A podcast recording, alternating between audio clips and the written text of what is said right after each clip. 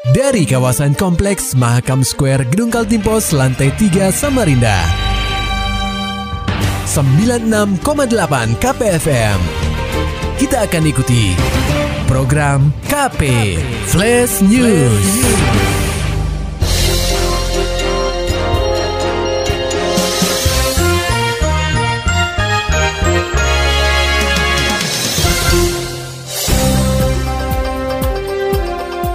Anda sedang menyimak program KP Flash News bersama saya Agung Pratama. Peringkat KP 8 fraksi DPRD Kaltim setuju untuk melanjutkan pembahasan dua rancangan peraturan daerah atau ranperda. Usulan dari Pemprov Kaltim mengenai pengelolaan keuangan daerah dan pajak daerah serta retribusi daerah. Anggota Komisi 2 DPRD Kaltim, Agil Suwarno mengatakan, pembahasan dua ranperda ini nanti sepenuhnya menjadi tanggung jawab panitia khusus atau pansus yang akan dibentuk. Ia menuturkan seluruh fraksi di DPRD Kaltim telah meminta untuk membentuk pansus untuk membahas dua usulan perda pemerintah itu. Menurutnya, seluruh fraksi DPRD Kaltim nantinya akan menunjuk masing-masing anggotanya guna masuk dalam formasi pansus yang membahas dua ranperda ini. Meski pembahasan akan melalui mekanisme pansus, anggota fraksi PDIP ini tetap mengingatkan agar perda yang akan digodok ini tidak memberatkan masyarakat walaupun itu merupakan sumber PAD. Nanti sepenuhnya menjadi tanggung jawabnya pansus. Ini kan semua fraksi minta pansus untuk melaksanakan tugas itu. Nah, nanti siapa yang dikirim di pansus itu tergantung masing-masing fraksi. Saya pikir lebih maksimalnya di situ. Tapi yang penting begini, retribusi itu kan pungutan yang dilakukan oleh pemerintah daerah kepada masyarakat. Yang penting jangan memberatkan walaupun itu sumber PAD. Lantaran ranperda ini merupakan usulan dari Pemprov Kaltim, maka pihaknya meyakini bahwa pembahasannya akan memakan waktu singkat, yakni sekitar tiga bulan.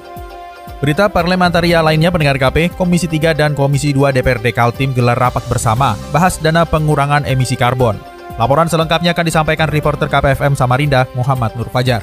Ketua Komisi 3 DPRD Kaltim, Ferry Diana Hurakwang, memimpin rapat dengar pendapat atau RDP bersama Komisi 2 DPRD Kaltim dengan mengundang Pemprov Kaltim yang dihadiri langsung oleh Sekretaris Daerah Provinsi atau Sekda Prof Kaltim, Sri Wahyuni. Rapat ini dilakukan menindaklanjuti adanya kesepakatan pembayaran hasil kerja atas pengurangan emisi karbon di benua etam yang telah ditandatangani oleh pemerintah Indonesia dalam hal ini Kementerian Lingkungan Hidup dan Kehutanan atau KLHK dan World Bank. Sebelumnya dalam surat yang tertuang dari Menteri LHK perihal program pengurangan emisi karbon di Kaltim. Komitmen RBP untuk penurunan emisi tersebut tercatat sebesar 110 juta US dollar dan akan disalurkan melalui Badan Pengelola Dana Lingkungan Hidup Kementerian Keuangan. Feridiana menuturkan, program ini memang sudah berjalan selama 10 tahun. Tetapi yang jadi pertanyaan adalah berapa dana yang akan masuk ke Pemprov Kaltim. Ternyata yang bisa diterima Pemprov Kaltim hanya sebesar 69 miliar rupiah dan akan masuk dalam APBD Kaltim, tetapi penggunaannya sudah spesifik dan tidak bisa dibelanjakan untuk hal lain.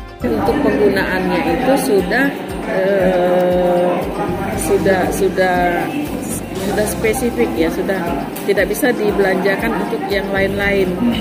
Nah, ke mana dia akan dibelanjakan itu sesuai dengan petunjuk teknis dari Kementerian Lingkungan Hidup yang semuanya adalah untuk mengurangi atau mengurangi dan mencegah eh, deforestasi. Jadi untuk memelihara eh, apa namanya hutan-hutan kita dan siapa entitas yang akan menerima dari kegiatan ini eh, tentu masyarakat yang ada di lapangan. Hasil pertemuan ini memunculkan rekomendasi DPRD Kaltim terkait program ini, yaitu perlunya mensosialisasikan kepada masyarakat karena dana tersebut akan turun pada tahun ini. Sehingga, masyarakat perlu tahu bahwa ada program terkait pencegahan dan mengurangi deforestasi, supaya masyarakat tahu bahwa ada semacam stimulan untuk mereka yang aktif melakukan penghijauan. Meski demikian, dana tersebut masih belum masuk di APBD Kaltim, sehingga Feridiana meminta kepada Pemprov Kaltim untuk segera berkonsultasi dengan Kemendagri agar bagaimana supaya dana ini masuk dalam APBD Kaltim. KPFM Samarinda, Muhammad Nur Fajar melaporkan. Pendengar KP, Sekretaris Daerah Provinsi atau Sekda Prof Kaltim Sri Wahyuni menghadiri rapat bersama membahas dana emisi karbon bersama Komisi 2 dan Komisi 3 DPRD Kaltim. Beragam hal yang masih simpang siur pun disampaikan Sri Wahyuni terkait pengelolaan dana emisi karbon yang diperoleh dari Bank Dunia atau World Bank. Sri Wahyuni menerangkan, selama ini proses penyaluran dana tersebut memang langsung ditransfer kepada penerima manfaat. Sesuai dengan pembicaraan dengan Badan Pengelola Dana Lingkungan Hidup atau BPDLH. Untuk penerimaan manfaat itu tidak hanya dari pemerintah provinsi, namun juga pemerintah pusat dan pemerintah kabupaten atau kota. Tetapi proses ini akan dilakukan setelah dua penanda tanganan kesepakatan antara pemerintah provinsi dengan BPDLH. Sri menyebutkan bahwa dana karbon ini memang diperuntukkan untuk program pengurangan emisi karbon dan diberikan kepada daerah yang sudah berhasil menurunkan emisi karbon. Penerima manfaat itu kan tidak hanya pemerintah provinsi, dari pusat, pemprov, kabupaten kota. Nanti kemudiannya dari BPDLH itu langsung ditransfer ke penerima manfaat ini tetapi ini akan dilakukan setelah ada penandatanganan eh, kesepakatan agreement antara pemerintah provinsi dengan BPDLH.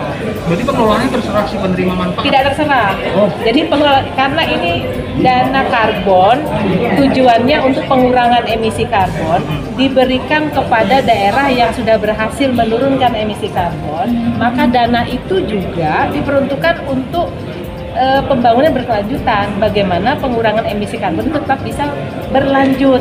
Disinggung terkait besaran yang diperoleh, masing-masing penerima manfaat akan mendapatkan besaran dana yang diberikan secara proporsional sesuai dengan tutupan hutan yang berhasil dilestarikan. Artinya, persentasenya akan berbeda-beda setiap daerah tergantung luasan nilai konservasi yang dihasilkan. Sementara itu dari dunia olahraga pendengar KP 10 atlet Kaltim bakal bela Indonesia di SEA Games 2023. Berikut laporan rekan kami, Maulani Alamin. Sebanyak 10 atlet gulat asal Kaltim dipanggil pengurus besar Persatuan Gulat Seluruh Indonesia atau PGSI untuk membela Indonesia pada SEA Games tahun 2023 di Kamboja. Menurut pelatih gulat Kaltim, Rudian Syah, jumlah itu mendominasi skuad gulat Indonesia yang terdiri dari 18 orang. SEA Games Kamboja akan digelar Mei tahun ini. Rudian Syah juga ditunjuk PW PGSI menjadi pelatih yang mendampingi tim Merah Putih di SEA Games. Pemanggilan pegulat benua hitam ini tak lepas dari prestasi mencolok yang ditunjukkan saat mengikuti kejuaraan nasional di Medan, Sumatera Utara, November lalu. Dalam ajang itu, skuad Kaltim meraih 13 medali emas, 6 perak, dan 5 perunggu. 18 kelas yang dikirimkan Indonesia, 10 kelas berasal dari Kaltim. Dari Kaltim. Ya, itu informasi yang saya dapat dan satu pelatih. Rudiansyah berharap Hasil terbaik dapat dicapai pegulat Kaltim, sehingga membawa harum nama benua etam di kancah nasional maupun internasional. KPFM Samarinda, Maulani Al-Amin melaporkan. Maulani Alamin, Muhammad Nur Fajar, KPFM Samarinda. Serta dapatkan berita-berita selengkapnya di www.968kpfm.co.id. Demikian tadi telah kita simak rangkaian berita-berita yang terangkum dalam program KP Flash News. Persembahan dari 96,8 KPFM. Terima kasih dan sampai jumpa.